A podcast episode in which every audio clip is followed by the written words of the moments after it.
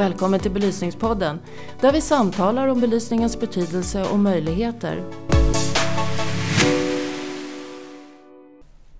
Välkommen till Belysningspodden. Jag heter Mikael Castanius och idag sitter jag med Peter Bennick. Eh, Peter, hur skulle du presentera dig själv? Jag är en väldigt miljöengagerad person som jobbar på Energimyndigheten just nu med olika styrmedel för energieffektivisering men också förnybar energi och inte minst hur kan de här två jobba tillsammans? En stor utmaning just nu. Och hur länge har du varit med Energimyndigheten? Eh, jag kom dit 2005 faktiskt. Jag har varit med ja, sedan dess. När man har eh, träffat dig och varit på möten så är det en sak som är väldigt tydligt och det är att du har ett enormt starkt miljöengagemang. Mm. Uh, varifrån kommer det någonstans? Ja, alltså ursprungligen kommer nog från barndomen. Jag är född på 60-talet och uppvuxen på 70-talet. Eh, och då var det sura regn och eh, dålig luft. Eh, oljan höll på att ta slut. Kärnkraftskris och allting. Så att jag tycker att hela min barndom egentligen har genomsyrats av miljö kan man säga. Det har alltid varit en, en engagerande fråga och jag var väldigt receptiv också. Tog in mycket av det där. Eh, sen sysslade jag med andra saker ett tag. Jag är fysiker egentligen och forskade på det men kom tillbaka till miljöfrågorna också i mitt yrkesliv så småningom. Och kunde då liksom realisera mitt intresse där och engagemang. Har du hamnat i rätt bransch för att jobba med miljöfrågor? Eh, bra fråga. Eh, nu ska jag erkänna någonting. Jag hade länge tänkt åka gummibåt och eh, ockupera kolkraftverk. Men jag tror att man gör större nytta kanske att hålla på med just lagstiftning och sånt där. Som, alltså både nationell och EU-nivå. Men vi jobbar ju också utanför EU faktiskt med andra regeringar om lagstiftning. Så jag tror att jag gör ganska stor nytta trots allt. Det på tal om EU och internationellt arbete. Det fick jag också lära mig väldigt fort när jag kom in i branschen. Att. Peter har ett enormt inflytande i EU. Trots att Sverige är ett litet land så, så påverkar du mycket och har väldigt mycket impact på de beslut som fattas. Ibland kan man eh, nästan tro att eh, man tror att du kan lösa allting när man eh, kommer ner och pratar med sina kollegor i Bryssel. Men hur kommer det sig att du har byggt upp det här varumärket i Bryssel? Eh, ja, alltså, för det första är det inte sant. Jag önskar kanske att det vore det men um, vi är ju 28 länder trots allt som förhandlar och sitter runt ett bord. Uh, och alla har vi med oss våra tekniska underlag och så. Men det är väl några länder som är mer engagerade än andra. Så att uh, Sverige, Holland, Tyskland, England och så vidare. Så vi jobbar ganska mycket tillsammans faktiskt för att ta fram väldigt bra underlag. Alltså, hur ser marknaden ut och hur ser tekniken ut? Vad kan man förvänta sig några år? Sen att jag hörs, det kanske beror mer på min personlighet för jag, jag drar mig inte för att säga vad jag tycker. Och det uppskattas ibland men kanske inte alltid heller. Lägger du mycket tid på arbete, internationella arbetet? Jo, men det gör jag faktiskt. För det är otroligt viktigt att liera sig med andra. Vi är just ett litet land och därför måste vi liera oss med andra. Och vi måste också förstå de andra länderna som inte riktigt tänker som vi. Alltså vad, vad är deras situation? En kritik jag fick höra tidigt var men ni i Sverige kan vara progressiva för att ni har råd eller ni har mycket kunskap. Eh, vi kan inte det på samma sätt. Jag vill inte säga någon länder och så. Eh, och då har mitt svar bara varit men låt oss jobba tillsammans då. Eh, och ni på nationell nivå måste göra kanske som vi gör, det vill säga ha en dialog med alla aktörer.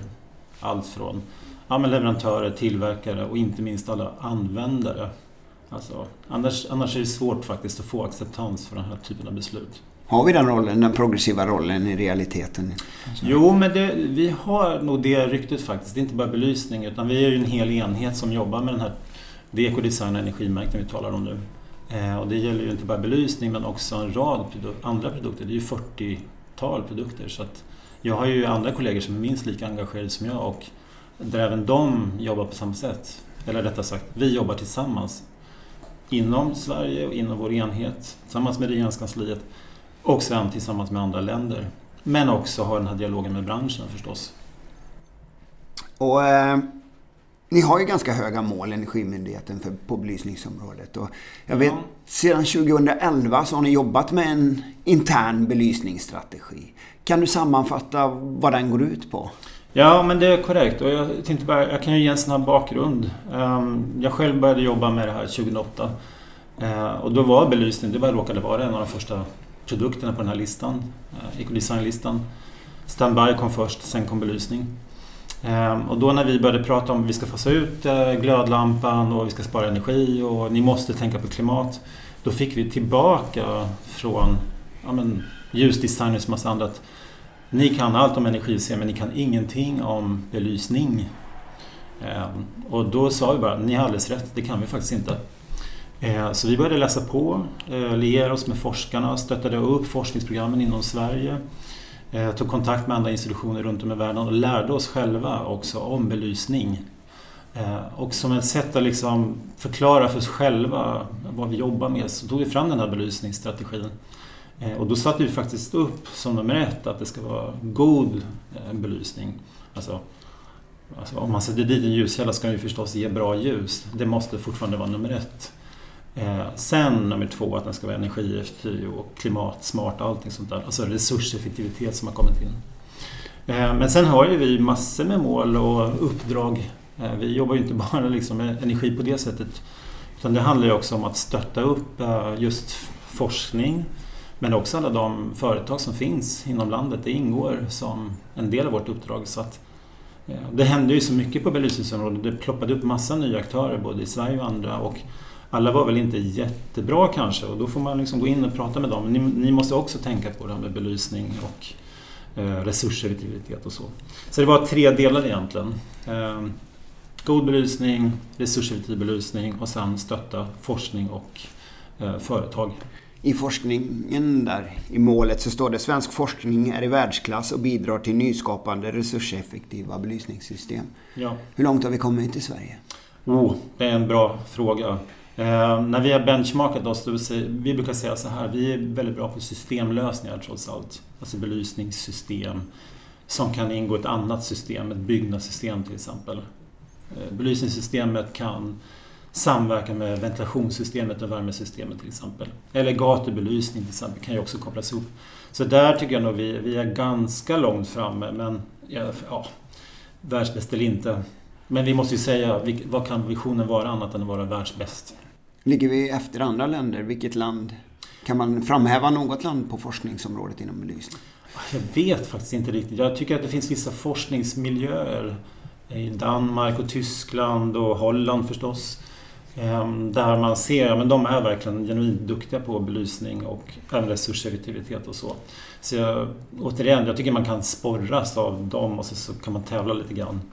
Ehm, men det viktiga är i alla fall att forskarsamhället liksom pratar med varandra och jobbar lite mer tillsammans än vad fallet var 2008. Då var det ganska utspritt och ja, de olika forskningsmiljöerna jobbade var och en för sig kanske, mer än vad de gör nu. Om man tittar på elanvändningen som också var ett mål och om jag förstod det rätt så var det faktiskt mer konkret än du nämnde att det skulle halveras elanvändning för belysning. Mm. Vad har vi kunnat se för konkreta åtgärder för att mm. uppnå det målet? Ja men det där är en jättebra grej. Ehm, det är ju det är bra att kunna sätta upp konkreta mål som man kan jobba emot. Eh, och en siffra som vi länge pratade om var att eh, den totala elanvändningen för belysning var 14 miljarder kilowattimmar. Det är väldigt mycket då. Eh, och det är likadant globalt också. Alltså, el till belysning är väldigt stor. Eh, men redan då, och det här var 2010 och så, men redan då såg vi att potentialen att spara bort eh, var väldigt stor, alltså halvera som du sa. Genom att framförallt byta gamla ljuskällor till nya då som är effektivare. Alltså glödlampor till lågenergilampor och så småningom LED. Eh, gamla typer av lysrör till modernare lysrör eller så småningom LED-lysrör eller helt andra belysningslösningar som utnyttja formfaktorn hos LED. Ehm, och där har vi sett nu att vi gjorde en uppdatering av de här siffrorna. Alltså för några år sedan i samband med belysningsutmaningen så såg vi att vi hade i alla fall nog sparat bort kanske 3 miljarder kilowattimmar, 3 terawattimmar. Och det är mycket. Ehm, men att vi fortfarande har fort, vi kan fortfarande halvera. Vi är nere på 11 men vi kan fortfarande halvera. Kanske. Så grejen är, kan vi få nya belysningslösningar som är baserade på LED och sen så kontrollsystem. Då kan vi komma riktigt, riktigt långt, tror jag.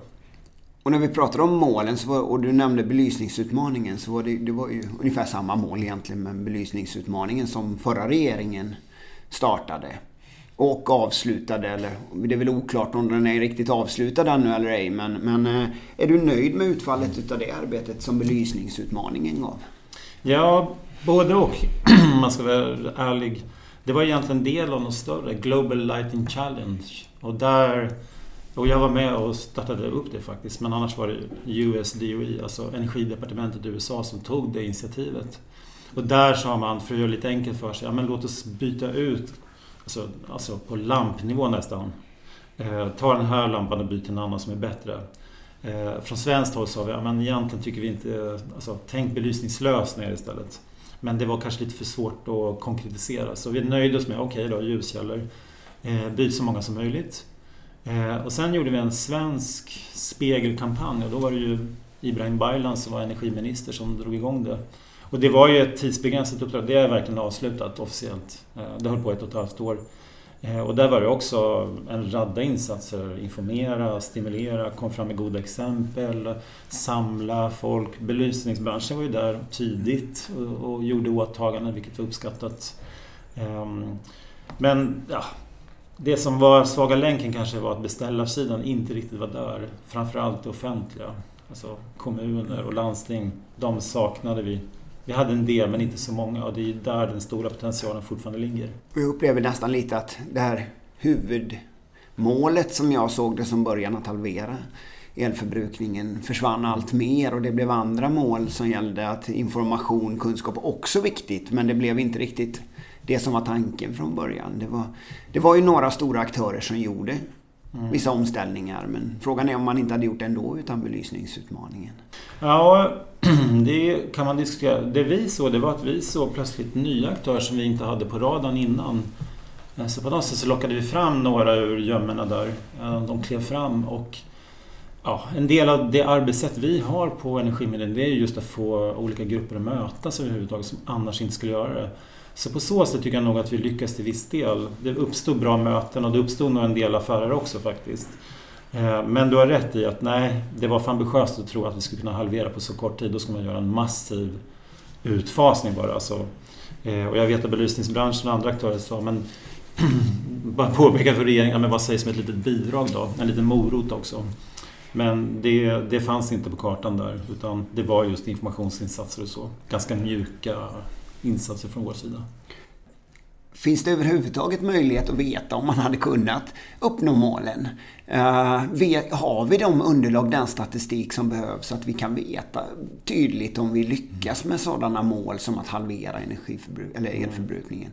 Tidigare gjorde ni de här stilrapporterna som mätte väldigt tydligt då och var väldigt bra hur mycket man sparade i skolor och så vidare eller hur mycket man förbrukade utav el. Det görs inte längre. Mm. Har ni det statistikunderlag och så vidare som ni behöver idag? Alltså stilrapporterna var jättebra. Vi håller alla med om det. Alltså stil betyder statistik i lokaler.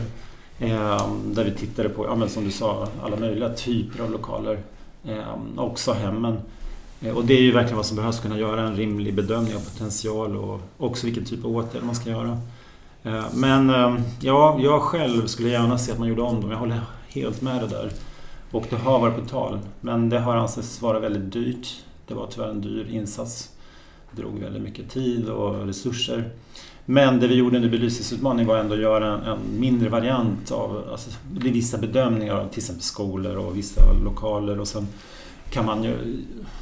Alltså, vi utgick från de gamla stilundersökningarna så bara försökte vi skala om till hur det såg ut idag. Det var då vi kom fram till att vi ändå har sparat. Ehm, men du har helt rätt i att vi behöver gedigna underlag för att förstå vad potentialen är. Och vi har inte riktigt superkoll på allting. Ehm, som kommunerna till exempel, och den offentliga belysningen, kan hjälpa till där.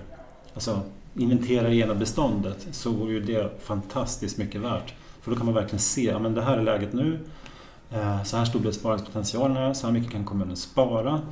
Eh, uppfylla sina klimatmål och den här typen av insatser behövs. Det kan vara kunskap, det kan vara den där enstaka beställaren som sitter där och inte riktigt har full information. Eh, så jag, jag håller med dig där. Vi skulle egentligen behöva göra om de här studierna. Det är vi överens om och då är ju naturligtvis följdfrågan eh, varför det inte blir så. Och, och hur är relationen med politiken mellan Energimyndigheten och regeringen men kanske också kommunerna som är en faktor i det här. Mm fungerade bra i den dialogen. Och nu har det varit struligt under ett tag med regering och regeringsbildning och så vidare. Men mm. om man ser det generellt. Ja, alltså generellt så tycker jag verkligen vi har en bra relation med regeringskansliet och våra uppdragsgivare. Nu är det ju så att Energimyndigheten sysslar med alla möjliga saker. Vi har en väldigt stor budget, vi har en väldigt stor eh, ja, så säga, karta av insatser vi ska göra på klimatområdet, omställning av energisystemet, energiutsering. Eh, det här är ju trots allt en, en liten del. Ehm, och vi har, ja, vi har framfört att det vore ju bra med mer pengar för den här typen av kartläggning och statistikuppföljning. Men, men det ska ändå rymmas i den jättelika budget som... Det ska rymmas så mycket annat. Ehm, så svaret när det gäller relation till regeringskansliet, den är bra. Vi förstår att de måste prioritera. Det är lite synd att det inte alltid är som kanske vi vill, eller jag själv skulle vilja. Med tanke på de insatser vi förväntas göra. Eh, sen vad gäller kommunerna så kan man väl se att vissa kommuner ändå leder vägen framåt. Alltså vissa kommuner, om vi fokuserar då på, på belysning då. Några kommuner har verkligen gjort sin läxa. De har tagit tid, eh, tagit in ny belysning, testat, lärt sig själva och sen gjort bra upphandlingar. Men det är bara att respektera att alla kommuner mäktar inte med helt enkelt. Ehm, och kan därför behöva hjälp av andra, att man går ihop eller gå via SKL eller något annat. Att man på så sätt får den där hjälpen. Ja, och där kan ju vi stötta. Men vi kan inte liksom tvinga oss på dem utan de måste själva vilja ha den hjälpen på något mm. sätt. Mm. Så, att, så relationen är god men, men trots allt är det upp till dem på något sätt. Och hur är då relationen med andra myndigheter? När man tittar på energieffektiviseringsområdet så borde ju man kunna göra mycket tillsammans med Boverket exempelvis. Och så. Mm. Eh, sker det något arbete, något utbyte med Boverket och andra myndigheter? Absolut. Vi har ju både formella och informella samarbeten med Boverket, Naturvårdsverket, Kemikalieinspektionen och ja, Energimarknadsinspektionen. Och jag kan inte räkna upp alla. Eh, antingen så är det ett uppdrag som vi jobbar tillsammans med eller så är det bara informellt. För vi kanske då har hand om samma styrmedel. Eh, så att ja, jag tycker att vi samarbetar så gott vi kan. Sen är det återigen så att Boverket har liksom sina uppdrag och vi har våra uppdrag. De har sina regleringsbrev och vi har våra. Och ibland kan det ju vara en utmaning att hitta de här gemensamma insatserna eller områdena vi ska jobba med. Eh, men vi försöker tycker jag ändå.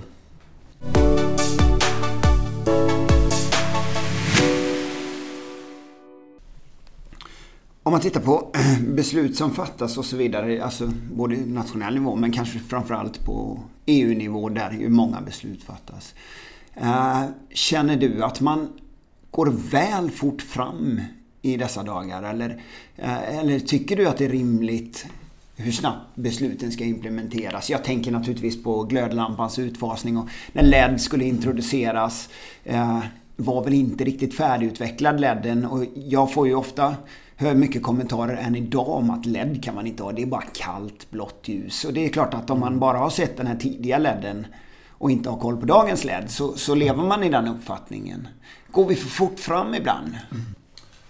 Eh, ja, det är en bra fråga. Processen har ju på sedan 2008 egentligen med belysning och egentligen började det ännu tidigare. De första underlagen kom redan 2005. Eh, och det finns, det kan vara bra att veta, det finns en formell process där man har förstudier där man engagerar branschen och eh, alla medlemsländer. Eh, och där är det lite grann upp till eh, medlemsländerna och branschen att liksom rusta för det. Och det kan man ju se att ja, men alla orkar inte riktigt. Så det är en strategisk fråga för ett land att verkligen vara där och ha den här dialogen med branschen också. Sen det här med takten, ja men det, det, är nog så att vi vill gå olika snabbt fram och där är det bara konstaterat att olika länder ser olika ut. En del länder har gått före, de är ganska långt framme.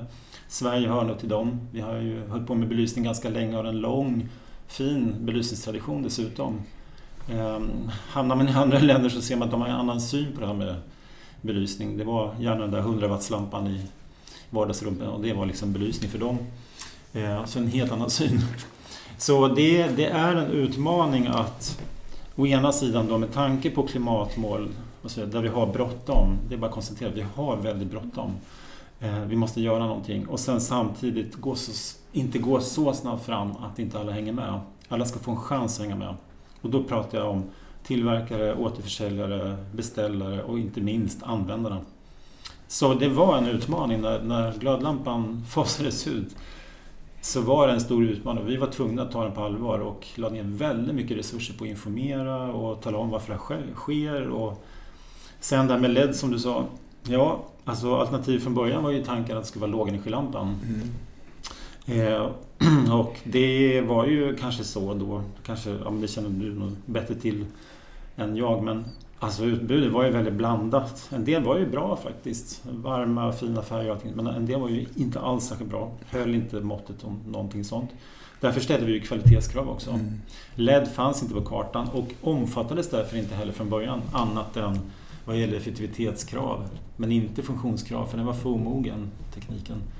Eh, och de som hoppade på tåget direkt blev ju jättebesvikna. Eh, själva köpte vi en lampa som hette, jag kommer inte ihåg, men det var Super Excellent. Eh, ska hålla 50 000 timmar, kostade 500 spänn. Eh, gick sönder efter 8 timmar. Eh, jag gick tillbaka och ville byta den och eh, affären såg ut som en fågelholk och undrade vad jag, vad jag höll på med. Och sa, den här kostar 500 spänn, det är klart jag ska byta den. Den är en unik produkt. Så ja, det, tog, eh, det var en utmaning att göra den här utfasningen så att alla hängde med verkligen. Eh, och det är nog fortfarande de som inte riktigt är där medan andra var snabba på att både förstå varför och sen ta till sig den nya tekniken faktiskt och är glada idag. Och de tuffa besluten som du nämner, de grundar ju sig på EUs väldigt hårda energimål. Eh, och Sverige är ju om möjligt ännu tuffare än vad EU är. Eh, hur, hur jobbar Energimyndigheten för att uppnå de här målen? Mm. Vad gör man nu mer konkret? Ja, det är en jättebra fråga. Ja, nej men det är sant. Vi har tuffa... Alltså, EU har sina mål och sen finns det någon slags... Jag ska inte säga bördefördelning alltid. Det beror på vilket vi pratar om. Men, men Sverige har verkligen sagt okej, okay, vi ska så småningom så ska det vara fossilfritt och det ska vara förnybart bara. Vi ska energieffektivisera 50 till 2030 och så vidare. Alltså det är som du säger väldigt tuffa mål. Och alla vi myndigheter, Energimyndigheten, Boverket och alla de som vi pratade om förut, är ju involverade på något sätt. Och sen är det en palett av åtgärder vi kan ta till. En del är den lagstiftning vi har på EU-nivå. Eh, och då att vi ska vara progressiva, försöka ehm, gå fram så snabbt det går på ett rimligt sätt. Andra saker kan vi göra nationellt Ehm, och då är det ju sånt som att just ja, men se över hur är det då med byggnadsbeståndet till exempel. Det slösas enormt mycket fortfarande i bebyggelsen. Eh, vad kan vi, kan vi då göra för att liksom, lätta upp? Eh, och här är det bara att vi konstaterar ja, men vi, vi har de styrmedel vi får av ja, regeringskansliet egentligen och regeringen och riksdagen egentligen då. Alltså, eh, och vi, vi eh, försöker utnyttja, utnyttja det så, så gott det går.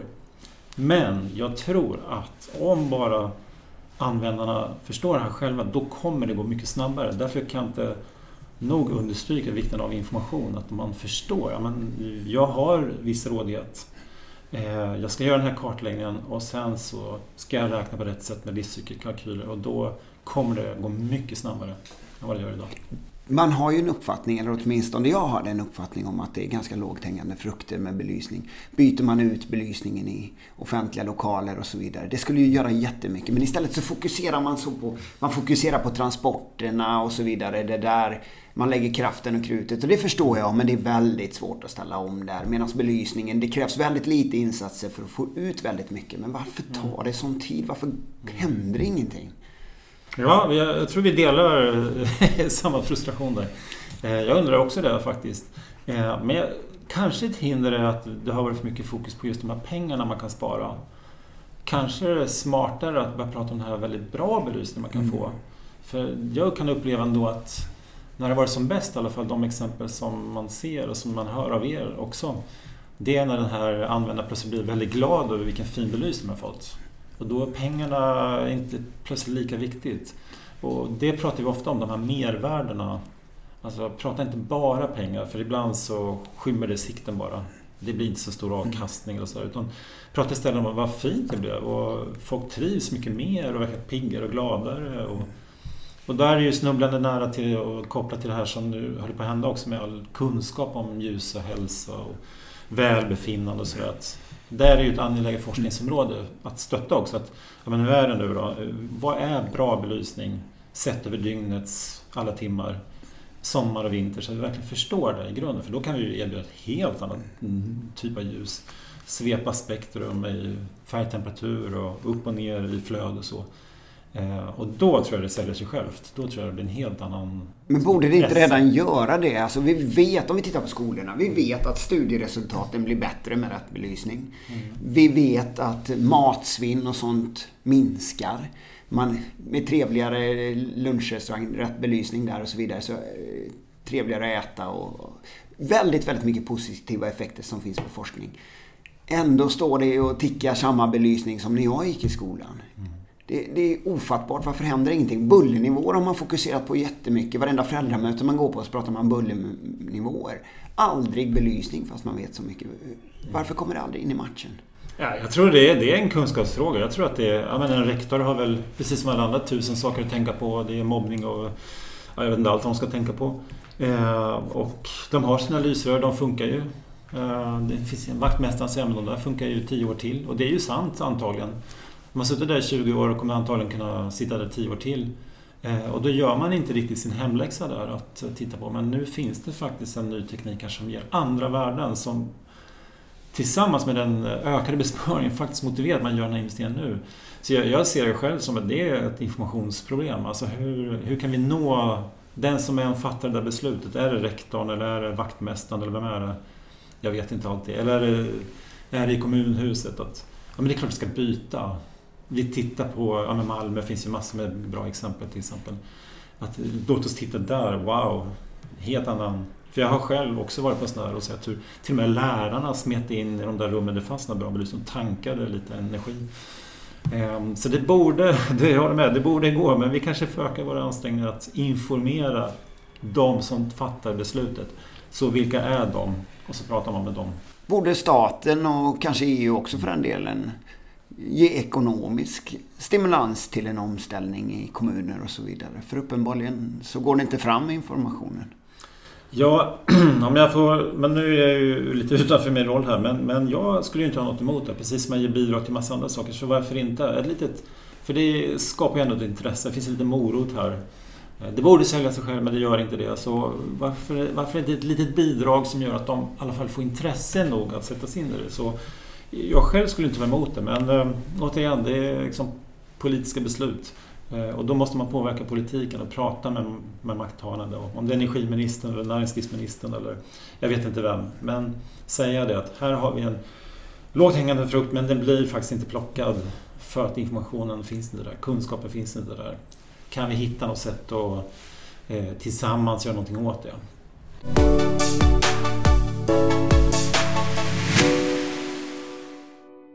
Energimålen, på tal om dem. Eh, EU har hårda energimål, har vi sagt. Eh, Sverige ännu hårdare. Eh, hur jobbar man för att bli den föregångare man vill vara? Det finns många andra länder i världen som ligger långt efter. Hur kan vi dras med dem? För det är det stora. Mm. Det är då vi når de stora effekterna, så att säga, om vi får med oss mm. Och framförallt att andra länder inte begår samma misstag som vi en gång har gjort. Mm. Ja, men det, är, det är en jättebra fråga. Jag, jag, tror själv att man eh, alltid ska göra sin hemläxa på något sätt. Eh, och det tror jag vi på sätt och vis gör och vi har ju väldigt många kompetenta företag i Sverige eh, som, som själva har gjort det där. Sen återigen beställarsidan tänker ja, men vi måste få med dem på tåget. Och ibland funkar det. Eh, vi kanske måste se över nya affärsmodeller som belysning som tjänst kanske kan sälja bättre än belysning som produkt.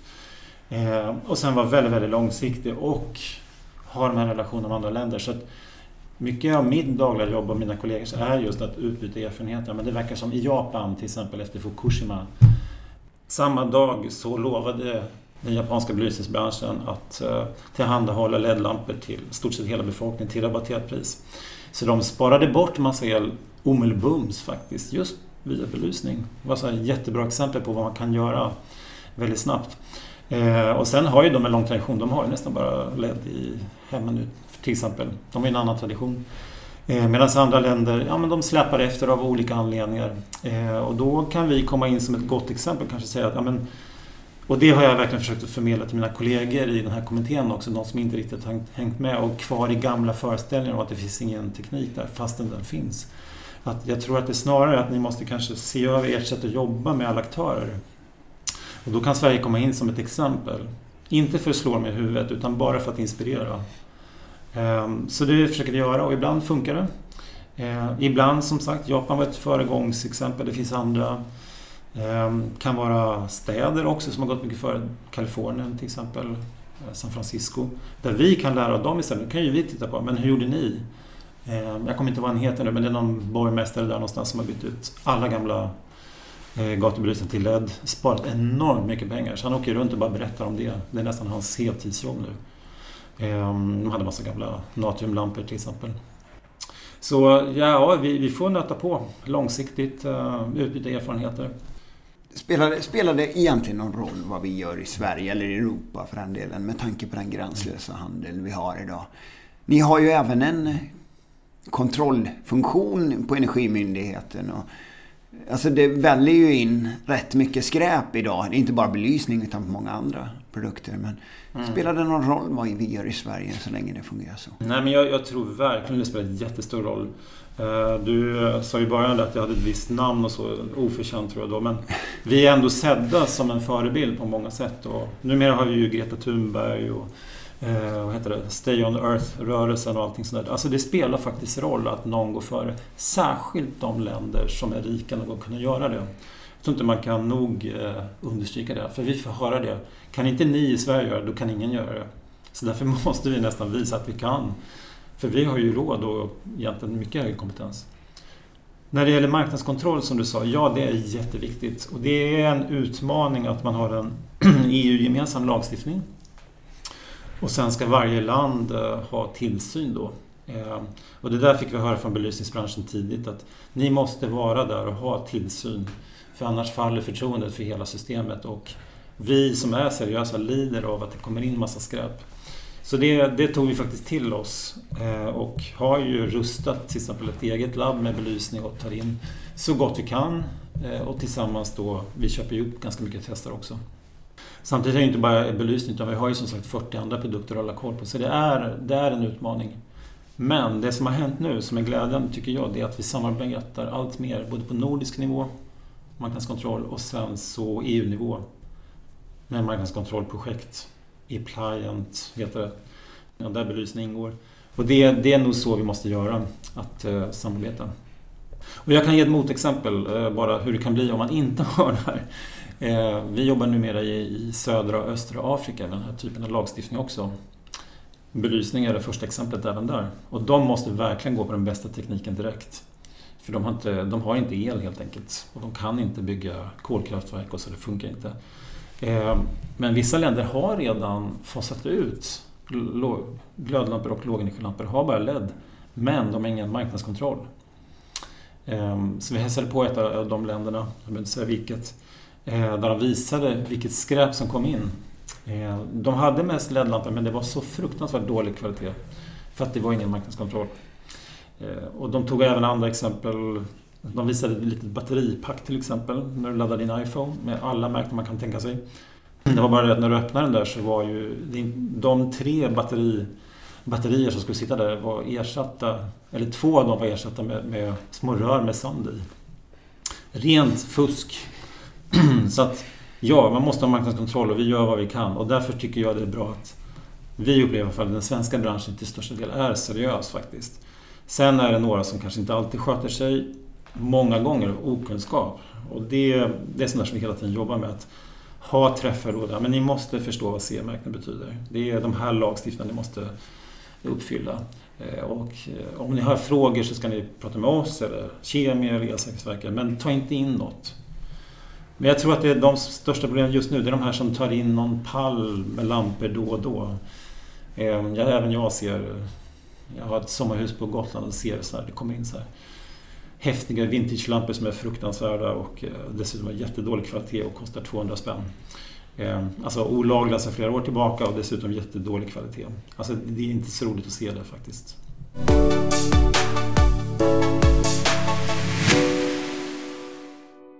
–2012 så antog eh, Europaparlamentet det här nya direktivet om energieffektivisering. Och bland annat där så var det ju krav då på förbättring av statligt ägda byggnaders energiprestanda. Eh, men vad har hänt sedan dess på de statliga byggnaderna? Händer det så mycket där? Och det är verkligen inte mitt specialområde men jag upplever nog att eh, det händer saker där. Alltså, staten ska gå före och försöka nog göra det. Och när det är just eh, belysningsutmaningen, där hade vi ju faktiskt en del statliga aktörer som ändå gjorde en del saker. Men jag känner att jag kan inte detaljerna kan man, där för att... För kan man säga generellt någonting om, för det är ju nybyggnation kontra det befintliga beståndet. Lägger man för mycket krut på nybyggnationen och glömmer bort det befintliga beståndet generellt sett?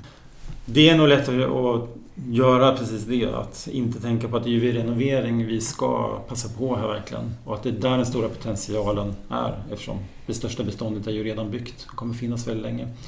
Så det, det är ett generellt problem. Jag vet ärligt talat inte hur läget är men jag har egna erfarenheter av de olika bostadsrättsföreningar jag har bott i när det gäller sånt. Att det är inte alltid så lätt att i den vardagliga gnetet med underhåll att tänka eh, energieffektivisering när man väl gör någonting. Alltså fasadrenovering, byta fönster eller vad det nu är för någonting man gör. Att då passa på, alltså det där passa på-tänket finns inte alltid där. Och det känner jag också är en utmaning. Vi, vi har jobbat jättemycket med det. Vi har guidelines och allt möjligt. Men det är bara att konstatera det. Det beror återigen på ja, den styrelsen skulle jag vilja säga. Eller den villaägaren som där och då ska göra någonting. Tar man det där steget och sätta sig in lite mer. Pratar man med den där leverantören om att verkligen, ja men du, eh, finns det några alternativ här? Eller om jag gör så här kan jag få ännu bättre prestanda och sådär. Eh, så där har ju också leverantörsledet faktiskt ett väldigt stor, eh, stort ansvar. En annan sak som var med i direktivet där ehm, det är ju att man ska göra, stora företag ska göra en energikartläggning vart fjärde år. Eh, känner du till om det görs och, och hur de används för att förbättra situationen? Återigen, jag kan inte detaljer men där, jag har kollegor som jobbar med det och där verkar det som att, de verkligen, att kartläggningen har fungerat bra. Ehm, det är många fler företag nu som har bättre koll på vad eh, deras egen energianvändning är. Sen hur många som sen med det som underlag verkligen gör någonting, det har jag själv inte koll på. Men det verkar ändå positivt, av det jag har hört av kollegorna på sådana här dragningar vi har internt till exempel. Om vi blickar framåt nu då lite generella termer. Vilka beslut måste fattas för, på belysningsområdet för att uppnå våra mål och så vidare? Allmänt om de här målen. Det finns tre slags mål som EU jobbar med. Det är energieffektivisering, det är förnybart och sen är det utsläpp av klimatgaser. Och de har ju nu mål till 2020 och sen 2030 och sen kommer det komma till 2050. Och den där sista, den kommer vara otroligt viktig för det är då det i princip kommer vara nollutsläpp av klimatgaser. Och ska det fungera, då är det här med förnybart och energieffektivisering som måste vandra hand i hand. Eh, alltså dra på rejält. Eh, och belysningsbranschen har ju, alltså all, alla, som säga, eh, allt det vi använder el till rör ju energieffektivisering. Och det känns som att ja, men belysningssidan har ju ändå tagit stora språng och jag kan själv inte komma på någon annat område där det har varit så fantastisk skillnad mellan en glödlampa och sen en LED till exempel som är då tio gånger mindre eller ännu mindre. Eller hälften av ett lysrör. Alltså det är fantastisk teknikutveckling. Så just belysning har verkligen levererat. Och också globalt. Så det tycker jag man kan känna stolthet över. Ehm, samtidigt finns det ju fortfarande stor potential kvar. Och då är det just den här kombinationen av LED och kontrollsystem. Hur kan vi liksom jobba mer med det? Alltså belysningssystem där kontroll, kontrolldelen ingår mycket tydligare än idag. Ehm, så jag tror att belysningsbranschen kan på något sätt prata om de här målen. Att vi bidrar till att uppfylla de här målen inom EU, inom Sverige men också globalt. Jag nämnde Afrika. Alltså, riktigt bra belysning har verkligen plats i Afrika och det är ett stort intresse där. Och inte minst av svensk teknik faktiskt. Det är ju en stor, en gigantisk marknad rättare sagt. Ehm, så där finns ju stora, stora möjligheter skulle jag säga också. Så, kan man från belysningsbranschens sida koppla till målen så tror jag absolut man kan liksom peka, ja men vi har fortfarande en stor roll att spela här och det ska vi göra med, med glädje. Sverige som är sådana early adopters när det kommer till ny teknik, borde inte vi vara bättre bättre på rätt belysning, rätt styrning och så vidare. Borde, vi inte, borde det inte gå fortare i Sverige? Ja, jag, jag tror att eh, det känns som att hemmen ändå har gjort eh, alltså, omställningen ganska mycket mer än vad det offentliga har gjort. Um, I alla fall anekdotiskt och den lilla statistikundersökningen vi gjorde. Alltså, det mesta har nog bytts ut faktiskt det här men det är inte så många kvar, som har kvar gammal belysning. Det är det offentliga som är problemet tycker jag. Det är där det går för långsamt. Och då återigen, varför går det inte snabbare? Ja men det måste vara med beställarsidan igen. Vad, vad är det de behöver? I form av kunskap och kanske en liten morot då, som du sa. Alltså ett litet bidrag så att de verkligen läser på och liksom förstår vad den nya belysningen kan leverera. Eh, så jag tror ju belysningsbranschen har ju en jätteviktig roll här att liksom berätta om det här häftiga, alltså riktig wow-känsla vad belysning kan ge framöver. Vi ska avrunda Peter, men eh, som avslutande fråga så måste man ju fråga då vad, vad Energimyndigheten kan göra för att Sverige ska bli världsledande så att säga inom eh, högteknologisk belysning. Eh, om vi ser Energimyndighetens vision för framtiden och hur branschen ska utvecklas. Vad finns att nämna om det? Ah, jag tänker mig att det, framtiden har vi en AI-styrd belysning som tänker själv. Och vet vad du Mikael vill ha för belysning. Vore inte det häftigt? Jättehäftigt. Så jag tänker, nej men det är fortsatt satsning på, på forskning. Vi, och vi, vår forskningsbudget för belysning har ju ökat för varje gång vi, vi ser att det behövs fortfarande forskning så får vi mer och mer pengar faktiskt. Eh, sen är det eh, kommersialisering och spridning av de här häftiga lösningarna. Det är ju fortfarande ett viktigt steg och då tror jag återigen på att ja, men, riktigt bra exempel som bara wow, som drar till sig massor med uppmärksamhet. Så att satsa mer på kommunikation där kommer vara viktigt både för oss men också för er och alla aktörer här. Ehm, så jag tror vi, vi gör vad vi kan och vi ehm, försöker men det finns nog mer att göra, det, det är sant. Vi får fortsätta jobba tillsammans helt enkelt. Det kanske är det som är nyckeln, att jobba mer tillsammans för att sprida den här informationen som ju är bristfällig. Jag tror det. Peter, du ska ha stort tack för att du tog dig tid. Tack själv. Jätteintressant att lyssna. Tack. Tack så mycket. Thank you.